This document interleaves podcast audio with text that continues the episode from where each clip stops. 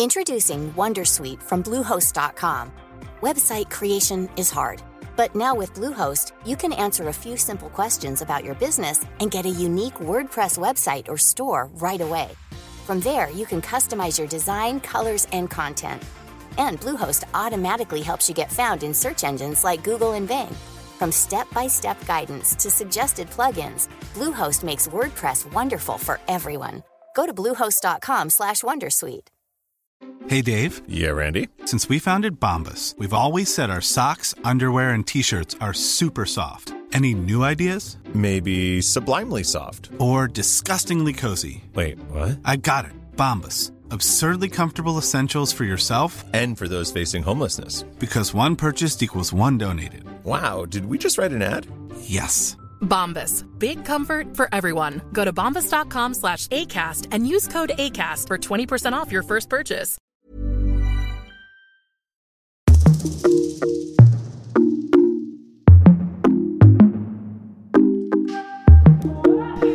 Hej och välkommen till Inte som planerat Karriärguiden. Jeez alltså. Jag heter Tida. Och jag heter Victoria. Ja. Och vi pratar om eh, olika karriärsmöjligheter som man kan eh, ja, Ägna sig åt. ägna sig åt. Vad man kan göra i livet. Jag har intervjuer med människor. Vet du att eh, hittills så har vi bara pratat med män? Det är sant. Ja. Det här måste vi Det ändra här måste vi på ändra en gång. Ja, men gud. Nej, nej, men nu. Här, tjejer, kvinnor.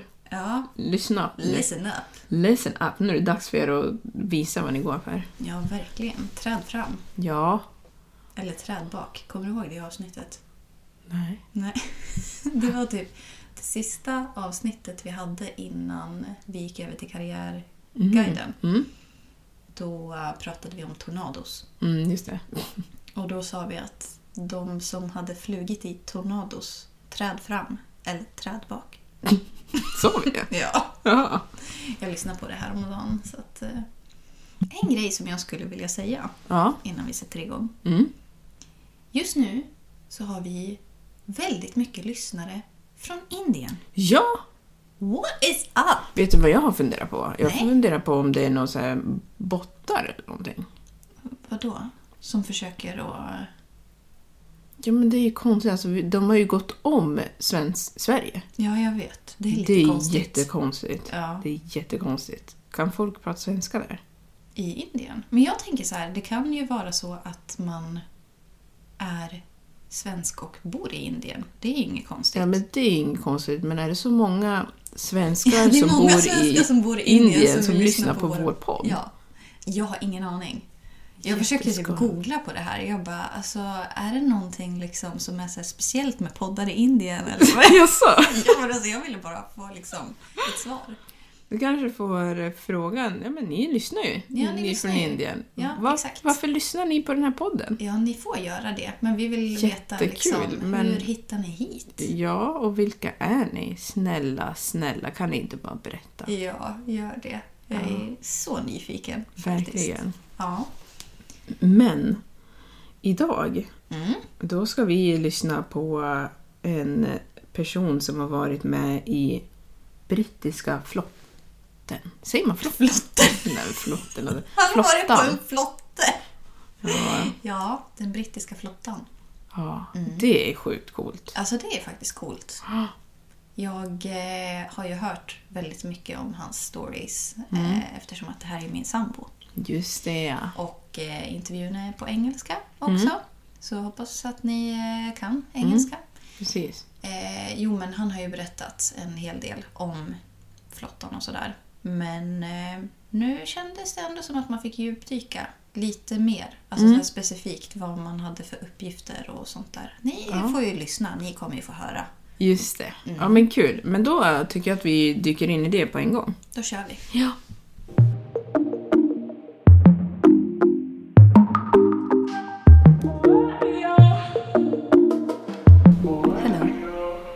Neighbor. You. You were going to talk about a previous job you've had. Yes, uh, was delivery driver. Now talking about the navy. You can talk about that. No, no, I want. I want to. I don't want to talk about delivery driving. It's boring as hell. All right. You make it sound so nice. Yeah, that was probably really loud. Uh, I don't want to talk about delivery. Okay. So you're gonna talk about the the navy. yes, uh, and answer the questions you have. Great. So, So when did you get into the navy? I joined the Royal Navy when I was 24, which is 2015, I think. Three days after my birthday. So I had a birthday party. Well, I didn't. I went camping, and then I joined the Navy straight after that. But what did you do prior to that? I worked at Captain Jasper's, Yeah, which was I know that. a burger joint, but they don't. and I used to work the night shift. So I had to deal with rugby players trying to drag me over the counter, and Marines trying to fight the rugby players, and people thinking they were hilarious by asking me if they did chips, knowing we didn't do chips, and then watching me lose my temper So that's why you decided to join the navy to get away from that. to get away from everything. Yeah. Yeah, but wasn't there anything about the navy that made you like, yeah, that's something I want to do? So all my friends laughed at me because uh, when I, the Navy asked me why I wanted to join, I just said I like boats. Oh, And I thought that was a serious answer, but they all laughed their heads off, so I imagine. Yeah, but I had a big fear of boats when I was younger, and Gareth got me over that fear, and I fell in love with boats and being on the water and everything, so I decided I wanted to work with that. I also felt like I needed to grow up, and that was a really good way of growing up. so do you need any type of education to join the navy? If you join doing what I did, no. You can go in even if you didn't finish school. I think if you have to join the fast track, which is where you start off and then you just go boom, boom, boom, boom, at my level, I think you need like a degree or something or education, certain education. If you want to go in as an officer, I think you need a university degree, All right. but I forget what. But most officers, yeah. Mm-hmm. So uh, could you describe what a typical workday would look like for you? Yes. Uh, I'll do when I'm not on watch. Just a normal day without the watches and stuff. So I would probably wake up. I would wake up ten past seven. Uh, I would like throw my clothes on, go downstairs and have breakfast. And the chef, uh, a guy called Josh, would always look at me and just laugh because I would come down like puffy, and bleary eyed, uh, unable to really open my eyes eight o'clock you have a thing called both watches which is where everyone who works in your department uh, gathers in a room and the the guy in charge who's usually a chief petty officer on the ship I was on he delegates so he just says we need this this this and this and then he tells my boss who is like under him and then like all the other bosses and then they would just divvy up like the jobs. So they would tell you, oh, you you got to do this, you got to do this, you got to do this. So it would go like top, split into three, split into five, like you know. So it's like maybe twelve at the bottom, being told by three people, you know. Um, would you get like different assignments on different days? It depends. Uh, if that if if you're doing a job that needs to take a week, then for example, Sharpie, it's like the most laid back, easygoing person. He would just look at you and be like, "You know what you're doing," and just like go and do it, and that'd be it. That would be your the detail. But if you have a lot on, he would say like take someone who's more more in the know, and you go and I don't know service the life jackets, you know, or if you were the person in the know, he'd say like pick someone in the room and go and do that with them, teach them if they need to be taught. So your typical workday would be like wake up, get assigned something, and then do that for the rest of the day, or So at eight o'clock, you get assigned something, uh, and then you would you'd get ready to do the thing. So that would take you through till nine o'clock, and then it would be the first coffee break, and that would take half an hour. And coffee break after an hour. Then, um, That sounds nice. and then after the coffee break, you would work till ten thirty, and then you would have a standy easy, uh, which is half an hour's break, and then eleven o'clock you would work for thirty minutes, and then you start winding down for lunch, which is at twelve, uh, and you have to wash up. So usually heading back in at like ten to twelve, and then you'd have lunch till I think it was one, and then you go down to the office again, and they just make sure everyone's there uh, that needs to be there, and then they tell you to go and do the thing again. So then, one forty-five, uh, sorry, one fifteen, you would go and do it, and then you'd probably do that till about two thirty, then have a coffee break, and then you'd work till four, and four o'clock's when it ends, and then at four o'clock, you finish work, and then you go to your cabin, and you clean up your cabin for maybe ten minutes, and then like four thirty. I think this these are timings. They might be the the I don't know when they must It have. but- doesn't have to be like accurate timings. I'm just trying to get a but- picture. And then around four thirty, uh, they would call everyone in to the the mess, which is like the place where everyone goes to play games or watch TV or something. Um, and they would say like, "This is where you're cleaning today," and then you go and clean the toilets or you know a, a corridor or something. And then quarter to five, from four thirty quarter to five, the officer of like you know the, you, it's called the it's like the officer you know like the policeman. He does his uh, rounds with chosen officer of the day whoever's in charge that day below the captain. And they would walk around and just you know just say like oh yeah this is clean. This is not clean. For tomorrow you need to do this or you know get this clean before like you leave if you've missed something. But most people know what they're doing so it's, it's rare that you have to redo it but they're, they're just going around checking if people are okay and if there's any like gripes But is that like a part of the workday? So you said that you got an assignment and then you did that and then you came to the mess and then you get the assignment that is like some type of cleaning and that's still like a part of the workday you haven't finished for the No, day. no. no. All right. um, and then at five o'clock or whatever it is, however long it takes them to walk around, you're free and you go to the gym. Uh, I was going to say open a beer, but maybe you would open a beer. I don't know if that happens or not. Um, uh, play your PlayStation, go and play like football on the deck or bucket ball or something. Which is I'm not going to get into that, but and then seven o'clock is dinner time, and then after dinner, time is your own. You don't have to go to dinner, but you probably should. But yeah, seven o'clock time is your own, um, and there is watches in between that. I won't get into the watch rotation because it's quite it's quite difficult to understand. But in between all that, you would be doing watches. I would be doing watches on the bridge. So um, you do four hours at a time. And you do eight hours a day, so you do it twice a day, and you're just basically steering the ship, looking out for things. You know, you're on fire watch or casualty watch or something. Mm-hmm. Yeah. So how much could you earn in your job? Mm, it's been a long time, so I can't remember exact figures, but I think the base pay is one thousand four hundred pounds, which is about fifteen thousand krona, maybe something like that.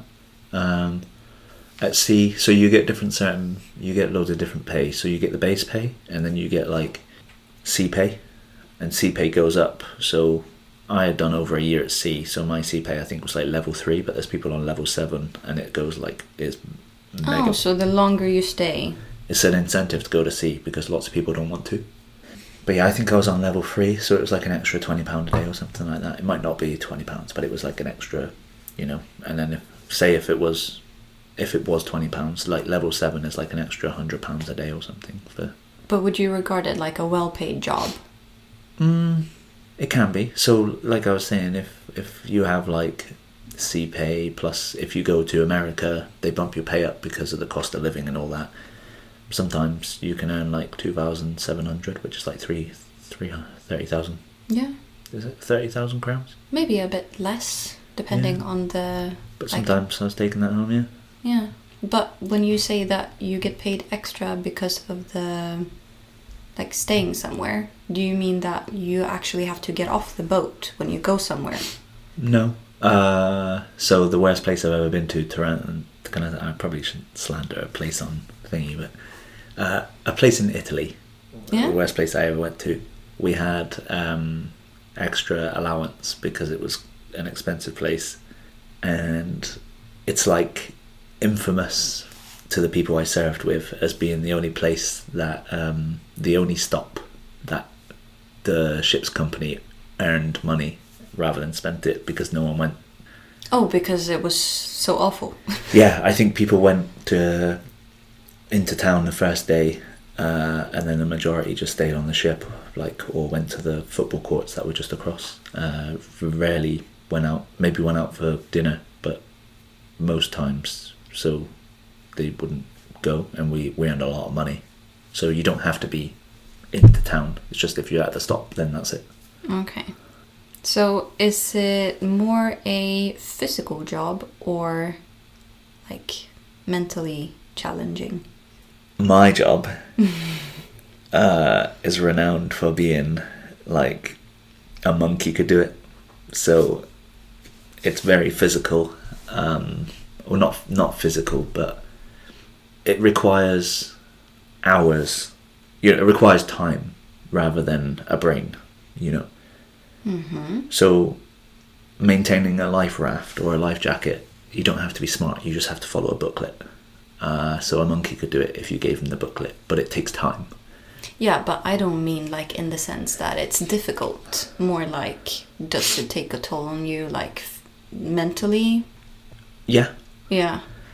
So I wasn't. I was only away for two months, but people can be alone away from their families for like nine months. They can miss ten years worth of Christmases with their kids and their wife. They could be away. I know one guy. He's missed like nine of his daughter's birthdays. Never, like, didn't see one. There was um, a guy whose brother died, and he had to like really kick up a fuss to go home because they weren't going to let him. It doesn't sound like a very nice workplace. Mm-mm. The it's like it's supposed to be if you're not in wartime, it's supposed to be person then operation, and if you're in wartime, it's operation then person. So, for example, if you're in the bottom of the ship and it's flooding, if you're not at war, they're supposed to pull you out. But if you're at war, they just close the hatch on you. And if it means killing two people to save the ship, so be it. That's uh, true. It's rough. Yeah. That was like one of my worst nightmares. so my next question, uh, my next question is, uh, would you recommend this job? But after hearing that, like, I would recommend it if you were young and you were struggling to find your foot because it teaches you discipline, it teaches you order, how to how to look after yourself. You have to iron and you know you have to be somewhere at a certain time. It teaches you order and preparation, organization, and it can be a really good job if you're young because you travel the world and but do you actually Yeah. get to see the world? if you're me no if you're uh, if you're lucky or you pick the right job within the navy you can see the world and be paid to do it yeah So, uh, could you tell me about a time where you felt like you've wanted to quit? so without going down the rabbit hole Yeah, of yeah. depression and all that.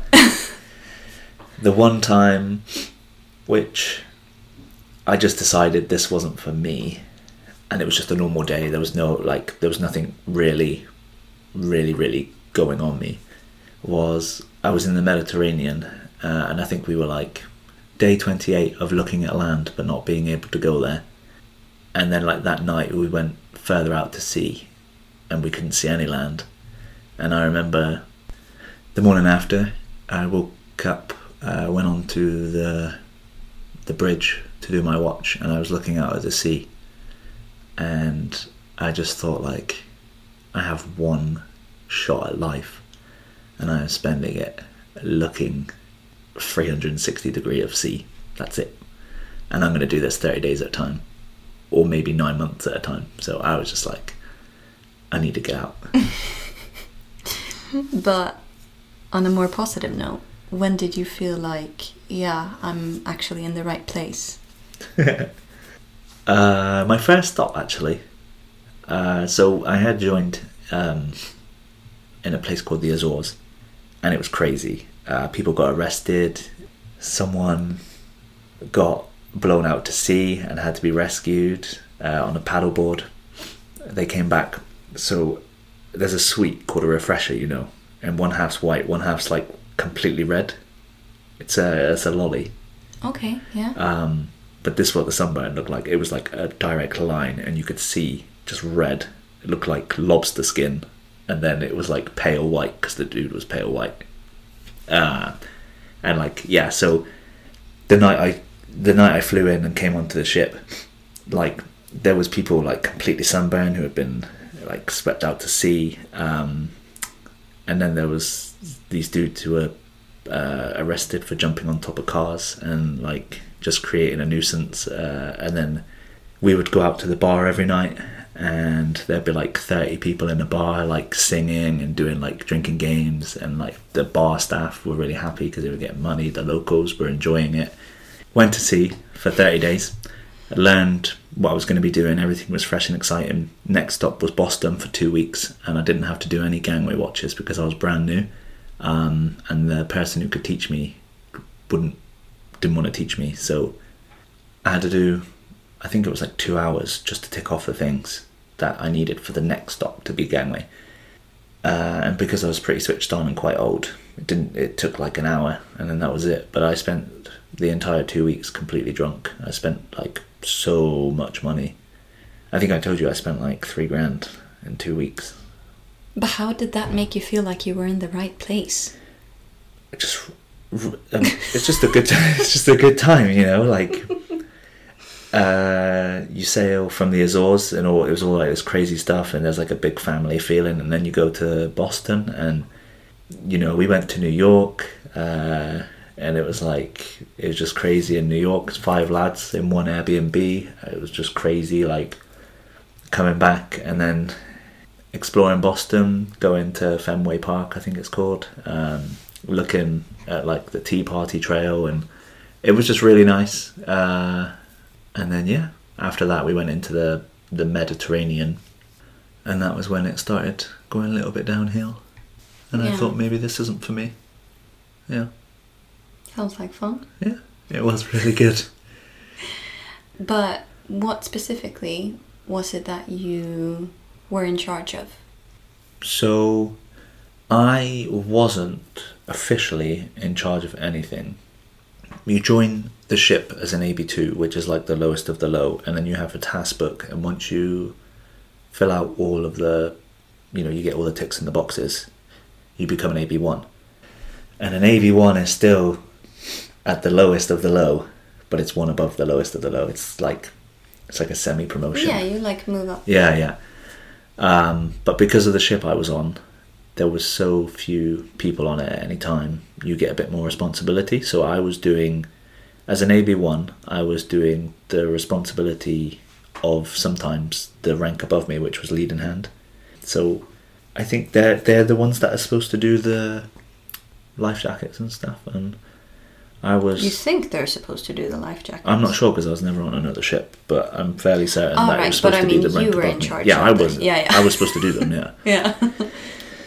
things called uh, darken ship. So after after uh, sunset, you would walk around the ship and make sure that all of the covers were down over the windows to make sure that the ship is completely dark. Because as a military ship, you have to be completely lights out. All right, because there might be people that want to Yeah. harm you. maybe. Um, and that was again someone above me, and like driving the sea boat, that was above me. Again, that was supposed to be like a Killick's job.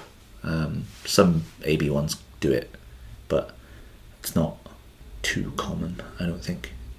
Certain other jobs, I forget, but Yeah. yeah. So, Pusser and I uh, would watch over like coming alongside, um, making sure people had like the ropes uh, going to the right places. Because when you come alongside, it's everyone's involved, but because it's your your job, you have to make sure people are doing it right. So you would be overlooking like chefs pulling ropes to make sure the ship is coming alongside. Oh, so everyone was helping. Yeah, yeah. So it'd be like the chefs, the uh, medical staff, um, some young officers. Yeah, you would like you'd be I'd be making sure they're doing it right. Mm. So like coming alongside, man overboards. So if someone falls over, uh, I had to be trained in jumping over the side in a bright orange suit with a line attached to me into the North Atlantic in uh, like November. You Or- actually did that. uh, it wouldn't have been November. It would have been like October. But yeah, but still. So how Yeah. cold was the water? I have no idea. Um, Too cold. yeah, yeah, cold enough that if you were in it for like three minutes, you could get, you could die. Sometimes, Mm. like off Greenland, for example, wasn't warm. Um, and you'd have to swim out and like rescue the fake man. But I was also a boat driver as well, so I would get lowered into the boat, and then you'd do it that way if they were too far away or something. Mm. So like a rescue boat. Yeah, hmm uh, in charge of driving the ship, in charge of. Well, I wasn't in charge of driving the ship. I was told directions and stuff, and I would have to steer the ship. So I would steer it under orders. Uh, it's called conning. But the officer in charge that day would tell me steer north, and then I would have to say steering north, and uh, you'd have to steer north, and then you'd have to hold it independently. That's quite hard uh, when the sea is really rough Mm. and various other stuff like painting the ship, making sure it's not rusty, everything around the ship, like the metal securings and stuff, just maintenance, general maintenance, painting and pressure washing and all that. I could go on for maybe 30 minutes to tell you everything I was doing, but I know that people probably get bored. What would you like to, if someone was interested in joining the Navy, what would you like to say to them as like, you know, before you join the Navy or like this is something you can expect or whatever? Like, what would you say to them? I would say assess all of your options. Make sure it's really what you want. Don't be bullied by the people in the recruitment office and go in with a do your research on what job you want to do and go in and be assertive and say nope this is what I want to do and don't do something you don't want to do because there's a shorter wait list or this guy is trying to talk you into it. And I would also say if you have a family there's a chance you might not see them for a very long time. So you need to make sure you're okay with that. So, would you recommend it for people who have families, or would it be for more like single people, or I personally feel like it's just for single people. Um, but I know that there are people in the Navy who thrive and their their wives thrive and their relationships thrive and their kids love it. Mm. But those people are usually um, in jobs where they can be at shore bases for most of their career. So they're not actually at sea. oh, so they're not on boats? Mm, they'll probably do like five years of their entire career at sea, and the rest of the time they'll just be bouncing around like as shore bases. So maybe like all around the country, their family would have to move around. Okay. Any final words? Don't do it. Don't don't do it. Yeah, I'm joking. Um, Would you do it again? Well, I met you for it, so yeah, absolutely. Yeah. But Uh, apart from that, Yeah, I maybe wouldn't go through basic training again because uh, that was really rough.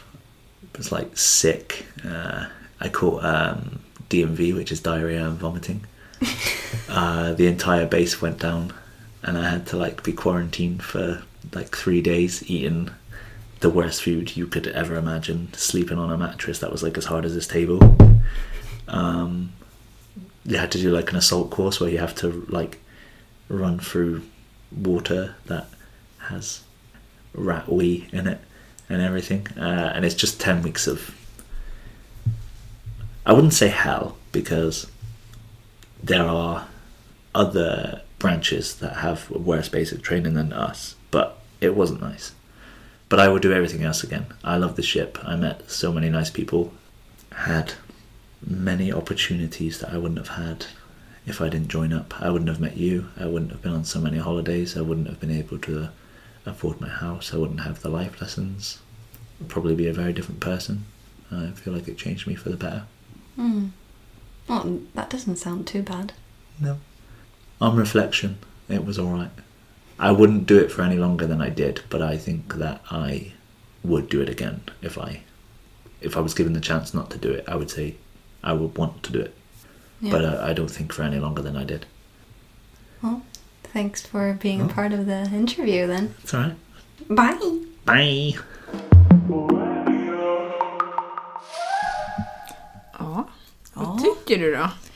Ja, jag skulle vilja börja med att säga en grej. För Mm. att eh, när han tog upp det här om eh, vad man kan få i lön. Mm. Jag tänkte på det också. Ja, precis. För då sa jag så här, alltså a bit less, men jag menar ju a bit more. För att jag tänkte på US dollars. Mhm. Eh, men pound. pund, ja, pund ligger ju liksom högre i kurs om man ska liksom konvertera till svenska kronor. Ja, men jag tänkte på att han sa att det var fem... För jag vet inte om det bara var jag som missförstod. För han sa att det var en grundlön på runt 15 000. Ja, fast den är lite högre. För det var 1400 pund och det motsvarar typ så här 18 000 nu. Ja, Ungefär. okej, ja.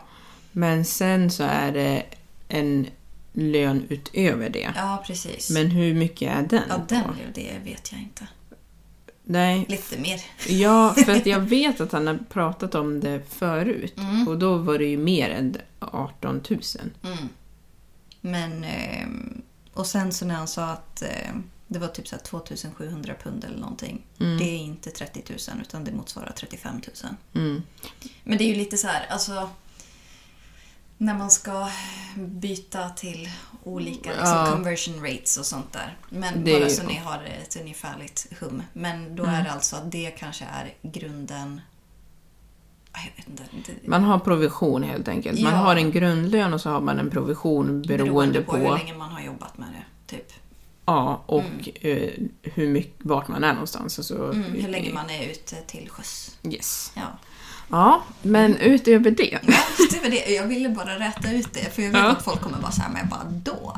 Ja, men för att det är ändå, alltså, det är ändå ett ganska så här äh, tufft. Det är ändå tufft att det låter som att det är tufft att vara borta så mycket och som man pratar om att vissa har varit borta från sin familj eller liksom så här missat nio av tio födelsedagar. Ja men typ. Alltså what? Det, det hallå där. Mhm. Då vill jag ha mm, lite mer än... Mm. Ja men det är ju det. För att ibland så funderar jag på så här, blir det verkligen i proportion till vad man missar när Mm. man är hemifrån så himla mycket? Särskilt om man har en familj. För att som han sa, han var så här, i- personligen så tyckte han att det bara var för single people. Ja. Men samtidigt att det fanns folk som tyckte att det var hur bra som helst. Jo, Eh. Men att de var ju mer kanske att de var så här, eh, inte ute till sjöss så mycket. mycket. Nej, precis. Utan att man hade sin bas typ kanske vid någon eh, hamn. Men det låt, lät ju lite som att man har sina hundår Mm. de här första fem åren och sen så kan man börja välja lite själv. Ja, exakt. Men ehm, på så sätt så... Alltså nu är inte jag intresserad av att jobba ute till sjöss i alla fall. Nej. Men jag tycker att just den delen att man... Ja men som att så här, man eh, kanske förlorar till och med en familjemedlem och så ska man behöva liksom verkligen kämpa för att få Fighta. komma hem. Ja. Alltså det är liksom... Jag förstår om det är, som han sa, when you're at war. Men liksom om det inte är det, varför ska jag inte få åka hem och gå på typ min brors begravning? Alltså det är så här, vad fan. ja, men... Men... Eller i och för sig, visst är det så att... Eller om du vill åka hem, Mm. Då åker du i en mindre båt. Ja, alltså... de, ja. Jag kan ju förstå om de är mitt ute på havet. Kommer typ en såhär, helikopter Ja, men en. liksom, Ja. du vill åka hem bara. Så, Ja. ja. okej, ska alla då åka hem bara för att du vill? Ja, jag vet inte riktigt hur det där funkar men jag kan ju nästan anta att det blir typ nästa gång som man lägger till vid någon hamn. Att man kanske får flyga hem därifrån Mm. Just då. Liksom. Så. Jag har ju väldigt svårt att se att man bara säger ah, kan ni ringa en helikopter nu? För Ja, jag vill hem. hur? Det, då fattar man ju att det liksom inte riktigt funkar. Nej. Men ehm, ja, jag vet inte, jag skulle ha svårt med det här att man missar så mycket som pågår hemma. Mm. Samtidigt som ibland så kan man ju känna så här att även om man bor i samma stad som sin familj ibland Mm. så träffar man inte dem Hela alltså, tiden. hela tiden. Nej. Så då kan man typ lika gärna vara på andra sidan jorden. Men jag tror att det är lite annat. När man har möjlighet att träffa sin familj men inte gör det så är det inte samma sak när man vill träffa dem och inte kan. Ja, verkligen. Mm. Men jag tänker också på att jag vet inte hur det är med eh, internet och Ja. mobiluppkoppling och sådär när man är det ute till finns ju sjöss. typ inte. Det är ju kanske inte så mycket. Nej. Och är man bara borta liksom, i ett annat land så har man ju oftast möjlighet att kontakta någon ändå, men det har man ju inte när man är ute till sjöss. Nej, det finns ju typ ingen signal. Alltså, är du mitt ute på havet då är det så här, ja. Ja, för vad, vad skulle de få signal från? ja. Liksom? Nej, men så att, ja, det kan vara svårt att, att få tag på folk också. Mm. Men jag tänkte på, han pratade om... Eh, han eh, gled snabbt över hur han hamnade där. Ja, Och då sa han så här, ja men det var min kompis, eller jag antar det, för nu... För visst sa han det? vadå? Att det var hans kompis Garrett? Nej, nej, nej, nej. Alltså Gareth är hans låtsaspappa. Ja! Och hans eh, låtsaspappa, eh, han typ satte fast han på, eh, så här, fram på en båt för att se till så att han inte var rädd för vatten längre. ja. Oj! Och då, när det hände, då var han inte rädd längre. Och så blev han liksom Mm. kär i alltså, havet och eh, båtar och hela den biten. Det låter jättetraumatiskt, men ja, det var det väl säkert. Men blev, it's for the han blev better. fastpinnad på en båt. Ja, men jag tror lite att så här... Alltså, det är väl klart man inte ska rekommendera det, men jag tänker Mm. så här, hur det funkade typ så här förr i tiden. Du vet, man bara slängde ungarna i vattnet och bara började simma. simma. Simma för fan. Lycka till liksom. Ja. Och sen när man väl har kommit över den tröskeln, då är det bara så här, ah, okej, men det kanske inte var så farligt typ. Mm. Men man kanske inte ska sätta fast framför en båt. Alltså. Jag var inte där, jag vet inte Nej. vad som hände. Men Men han gillar båtar fortfarande, så Ja, att ja. det funkade. absolut. Men, eh, ja, Skulle du kunna jobba med det här? nej. Nej. Nej men alltså nej. Alltså det som är grejen är, som jag tänkte på under när jag lyssnade på det här, för du... Det är ju lite roligt att du, du intervjuar honom eftersom att du också är hans partner. Ja. Du petar ju lite på liksom... Ja, men alltså, Vissa jag, svar jag kände att jag fick liksom tygla mig lite ibland. Jag bara så här, det är ju han som ska prata, inte jag. Men jag kanske vill ha andra svar än vad han ger. Ja, exakt. Men då började jag fundera på det här med att, att dejta män som är i militären eller i flottan. För det är ju ändå, jag tänkte säga vanligt, men det, eller, det är fel ord, men Ja, men jag tror att jag har en liksom bild av vad du tänker på. mm, Alltså typ så här.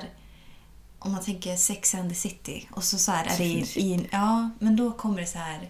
Då är det män som precis har så här, eh, kommit tillbaka från sjöss och bara så, här, ah, så har de sina vita hattar på sig och de kommer in och bara så här, ah, jo men I'm dating a sailor. Alltså du vet, typ Ja. lite så här, inte seglar, men du, du fattar, Ja. alltså den biten. Att det är lite så här, det är lite coolt att så här dejta men någon lite som in är... the Navy, Ja, liksom precis. Bara, eh, ah, military. Ja, Ja. exakt. Men, jag, men jag undrar om det är liksom en liten falsk... Alltså jag tänker så här, Ja. de är borta skitlänge Ja. och de blir typ scarred.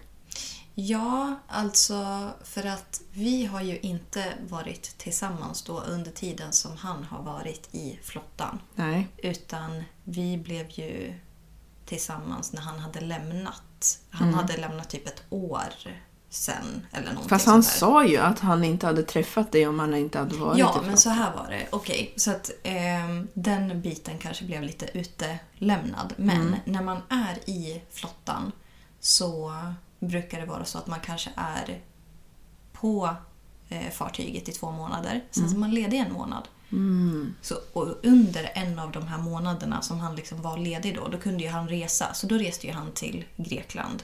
Och där träffades ju vi. Mm. Just. Ehm, så att eh, hade han inte liksom varit i flottan och haft ledighet så länge, då hade ju inte våra vägar korsats. Så, liksom. Okej. så att på så sätt så tycker jag ändå att det är så här, alltså tänk dig vara ledig en månad fyra Mm. gånger om året. Det är ändå rätt så trevligt. Jobba två månader, ledig en månad. Ja, Jobba det är två ju ändå skönt ledig en kanske. Men då är det ju så här, då ska man ju också så här fit in everything under den månaden som man är hemma. Liksom. Och det är väl säkert därför det är också så att man inte kan lämna precis när man vill. För det är så här, ja, du har din månad snart när du ska få. Nej, men du dejtade ju en förut som var inom... Som utbildade sig till skötkapten. Ja, precis.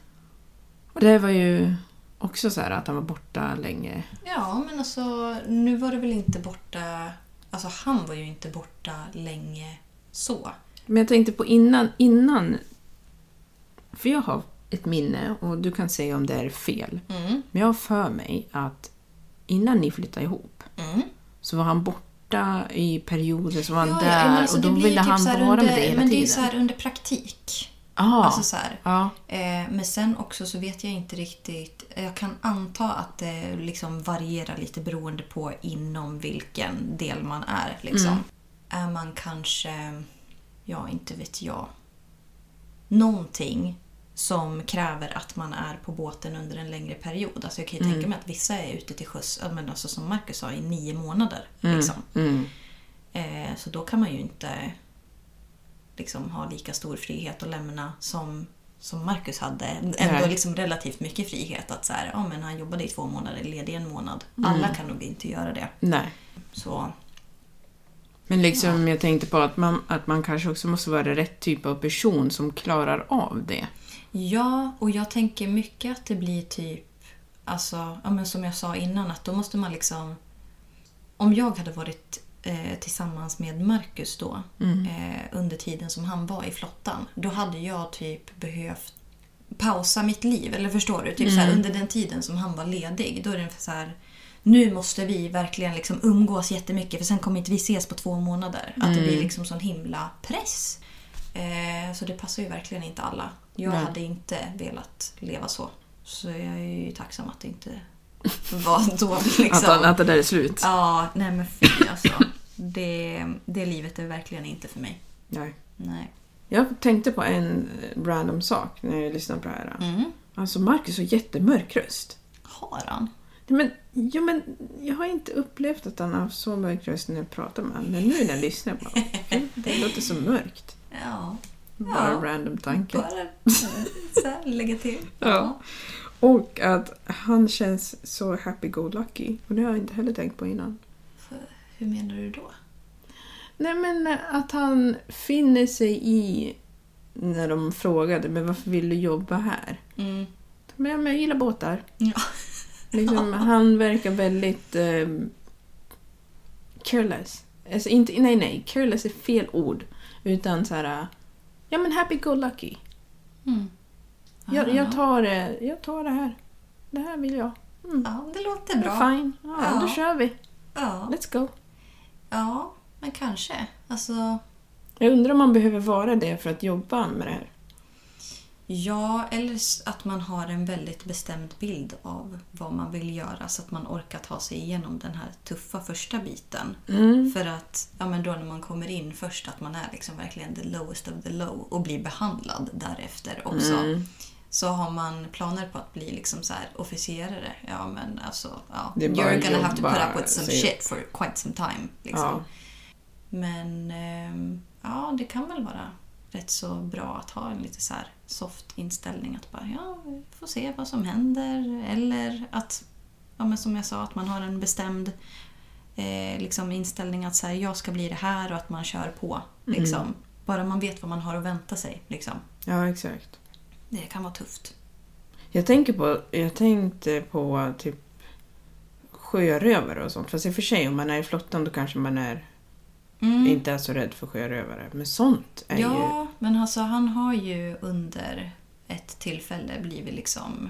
Eh, när de var ute så var det ju pirater. Ja. Ja, För som det sköt mot båten. Alltså, så jäkla sjukt. Alltså, Alltså- det låter ju typ på låtsas tycker Ja. jag. Det låter ju bara såhär, ja men vadå, Pirates of the Caribbean. Ja, men li- lite så. så här, sjörövare med en lapp och träben. Ja, Men det finns ju sjörövare på riktigt. Ja, men det gör ju det. Men jag tror att lite för när man så var liten så kändes det som en så här liten saga.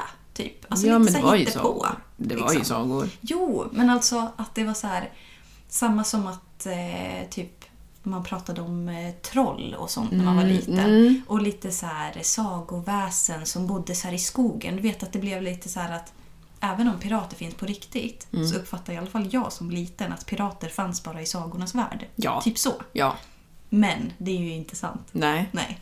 Nej men så har jag också tänkt och att eh, sa, eh, sagor, att pirater är lite som typ prinsessor, alltså prinsessor finns men liksom Rapunzel som släpper ut sitt hår, alltså det är Ja, lite exakt. så här äh, fantasi. Ja, exakt. Lika som tomten, ja det kan ju komma en man med skägg som lämnar Paket. paket och då är han väl tomten. Men det är Ja. liksom spektakel. Eh, men eh, jag tänker på folk som kanske är intresserad. Mm. Nu är ju det här den brittiska flottan som Ja. han har varit i. Precis. Eh, men om man är intresserad i Sverige så gissar jag på att man måste börja med att kanske ta lumpen. Ja, jag vet faktiskt inte riktigt hur det där funkar. Man har ju aldrig haft liksom, intresset själv att göra det. Så jag Nej. vet inte hur den liksom, går till. But it makes sense att typ så här, man börjar med, som Marcus sa, basic training. Men, Liksom. det, ja, men jag tyckte, jag vet inte om jag upp, skippar han över det lite snabbt? Ja, han eh, tog liksom bara lite så här fort. Ja, för han ja. sa typ så här, ja men om du ska bli det här då måste du gå på universitet. Men han har väl, han har väl Ja, lumpen egentligen? Eller ja. Eller motsvarande. antar det. Alltså det blir liksom när man ska in i flottan så måste man, beroende på vilket område man ska göra, så har man olika typer av basic training. Mm. Och eh, jag tror att det är typ så tio veckor eller någonting som man åker iväg Mm. eh, till någon militärbas typ. Okej. Och ja, får göra olika övningar och sånt där. Springa i hinderbanor med typ... Alltså så här, han har visat några bilder som det är typ ja, men fyra man som bär en så här, om vi säger 80 kilos docka eller någonting på en sån här sjukhusbår. Och så ska man springa typ genom terräng och i så här Mm, minusgrader och ha såna här eh, tunga ryggsäckar och vandra i inte vet jag hur många mil och det kanske liksom är snöstorm ute och sånt Och där. Det är typ som Försvarsmakten. Ja men typ så. Ja. Jag tycker det låter bedrövligt. Alltså, Men riktig, ordentlig träning, alltså Verkligen. disciplin. Ja, och man måste ju komma... Alltså det är samma som typ när man ska utbilda sig till polis. Jag antar att det ingår liksom lite i samma grejs. Att så här, du ska ju komma... Alltså nu räknar ju de miles istället för mil och kilometer och sånt där. Trams. Miles är en, en mile är 1,6 kilometer. Ja, det är det säkert. Eh, att man ska springa typ en mile eller fem miles eller ten miles, I don't know. Mm. Men på en viss tid. Och gör du inte det så liksom, då får du inte vara med. Typ. Jaha. Ja. Och det är ju lite samma som med polisutbildningen. Du ska Mm. liksom på viss tid kunna göra si och så. Det är fysiskt test liksom. Ja, exakt. Så, ja. Men han, så han gick den utbildningen först. Nu blir det att jag intervjuar dig istället. Ja, precis. Men- alltså, det blir lite så här också när man sitter och pratar med någon. Alltså så här, jag vet ju ganska så mycket om, eftersom att han har berättat för mig. Så när man sitter och har en intervju, då blir det bara så här, okej du ställer frågor som du redan vet svaret på. Och det Ja, hörde man exakt. ju liksom lite under intervjun också. Ja. När jag bara så här, ja men varför valde du att... Han bara säger, ja men du vet ju vad jag gjorde. Jag bara, ja men ingen annan. inte om dig. Nej ja. precis, de andra ska få veta. Ja. Ehm, men eh, vad frågade du nu? ja, men jag frågade om utbildningen. Alltså att han måste ju, för han pratade också om att han inte har gått någon utbildning, men det måste han ju ha gjort. Ja, men det är ju det som är basic training som är typ 10 Exakt. veckor eller någonting sånt där. Jag vet inte exakt hur lång tid, men ja. Ja. Som man, eh, jag tror att han gjorde det någonstans runt London eller någonting sånt där. Mm. Ja, någonstans där. Mm. Det var en grej som jag skulle säga, men vad kan det ha varit för något då? Jag vet inte. Jag hade en till grej som jag funderar på och det var att han sa blown out to sea. Ja, men alltså... Vad menar han jag, med det? Det låter ju som att man blir skjuten ute i havet. alltså, jag visualiserade typ att någon hade blivit typ utskjuten med en kanonkula. Ja, ja, samma här! Blown out to sea och jag bara ser någon och bara! Men han säger direkt efter blown out to sea on a, paddleboard. Ja, men det, det blir ju ännu mer... Ja, men alltså, nej men så här. det var någon som var på en alltså så här, padde, alltså du vet sån här stand-up paddle. Ja! Som satt, ja, jag fattade inte först jag heller.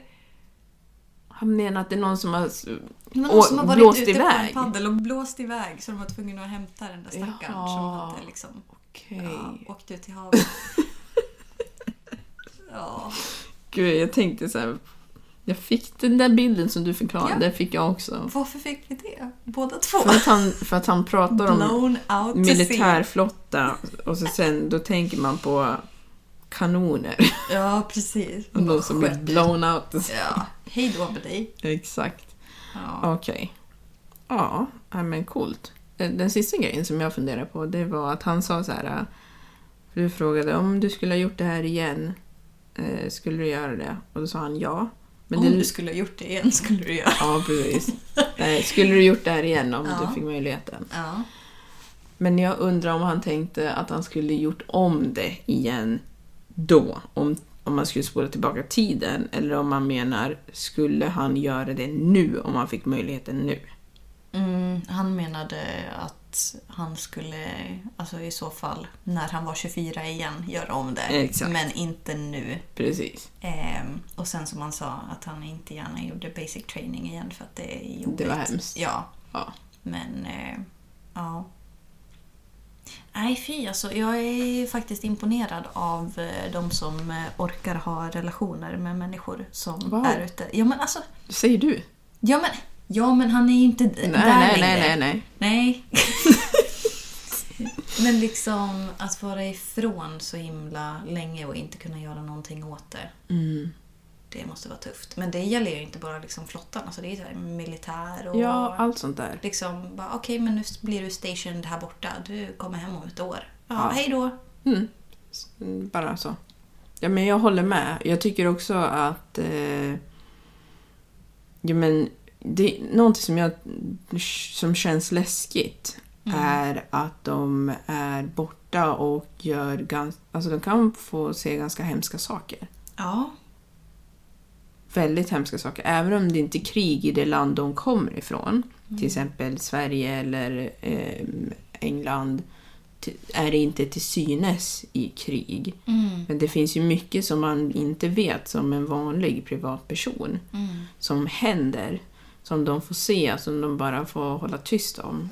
Ja, verkligen. Det är inte lätt, tror jag inte. Nej, alltså en grej som eh, han har fått göra till exempel var ju när det blev eh, flyktingkrisen från Syrien. Just så det. har ju de fått, alltså hans skepp är ju ett av de många som liksom har hjälpt syriska flyktingar och dragit upp dem ur vatten. Liksom. Ah. Alltså det är ju saker som man liksom, du glömmer inte det. Nej. Oavsett om alla just på den båten kanske klarar sig så finns det ju de som kanske inte gör det Mm. det bränner sig fast. Liksom. Du kan inte it. Liksom. Ehm, men alltså det var någonting... Jag tappar tråden hela tiden. Jag tänker att det är någonting som jag ska säga men jag Mm. vet inte. Men när, när är det du tänker på det då? Ja, jag vet inte. Det kommer och går. inte helt lätt att vara jag. Nej. Jag tänkte liksom att det börjar bli dags att wrap it up. Men Ja, men det är det. ja. Ja. Om du kommer på det så kan du... Ja, Ja, okej. nej, det får vara bra så. Men, Mm. som vi sa i början. Nu har det varit intervjuer med tre män. Nu är det dags för tre kvinnor, tycker jag. Ja, Minst. Ja, men jag har faktiskt varit i kontakt med lite folk. Men då måste, vi måste bara liksom ta tag i det. Mm. det har, jag tror inte att det har blivit med flit. Eller tror inte. Det låter som att jag inte är med och bestämmer ungefär. Ja. Det har inte blivit med flit. Nej. Men, Men eh, ja, så hör av er om ni vill vara med i podden eller Mm. om det är någonting särskilt som ni vill höra om. För som, alltså, jag måste ändå säga att våra tre första avsnitt har ju ändå varit väldigt olika yrken. ja, Alltså det har varit liksom vinexpert, det Ja, har varit tatuerare. egenföretagande, tatuerare och nu Nu det- brittiska flottan. Liksom. så vad blir Alltså näst? vi har så wide range. Alltså det är jätteroligt. Ja men visst, jag är imponerad. Ja, alltså när det här slutar någon vacker dag så kommer man liksom kunna gå tillbaka och lyssna på det här och man säger fan, ja, jag kanske vill byta jobb. Jag vill inte byta jobb jag, men Nej, jag är rätt så nöjd. jag är nöjd. Eller säger jag. Du? Ja men alltså det jag utbildar mig till Ja, menar jag. därför är Jag du trivs på nöjd. mitt nuvarande jobb också men ja, Ja. vi inte det. Men eh, tack för att ni har lyssnat. Verkligen. Ha det så bra.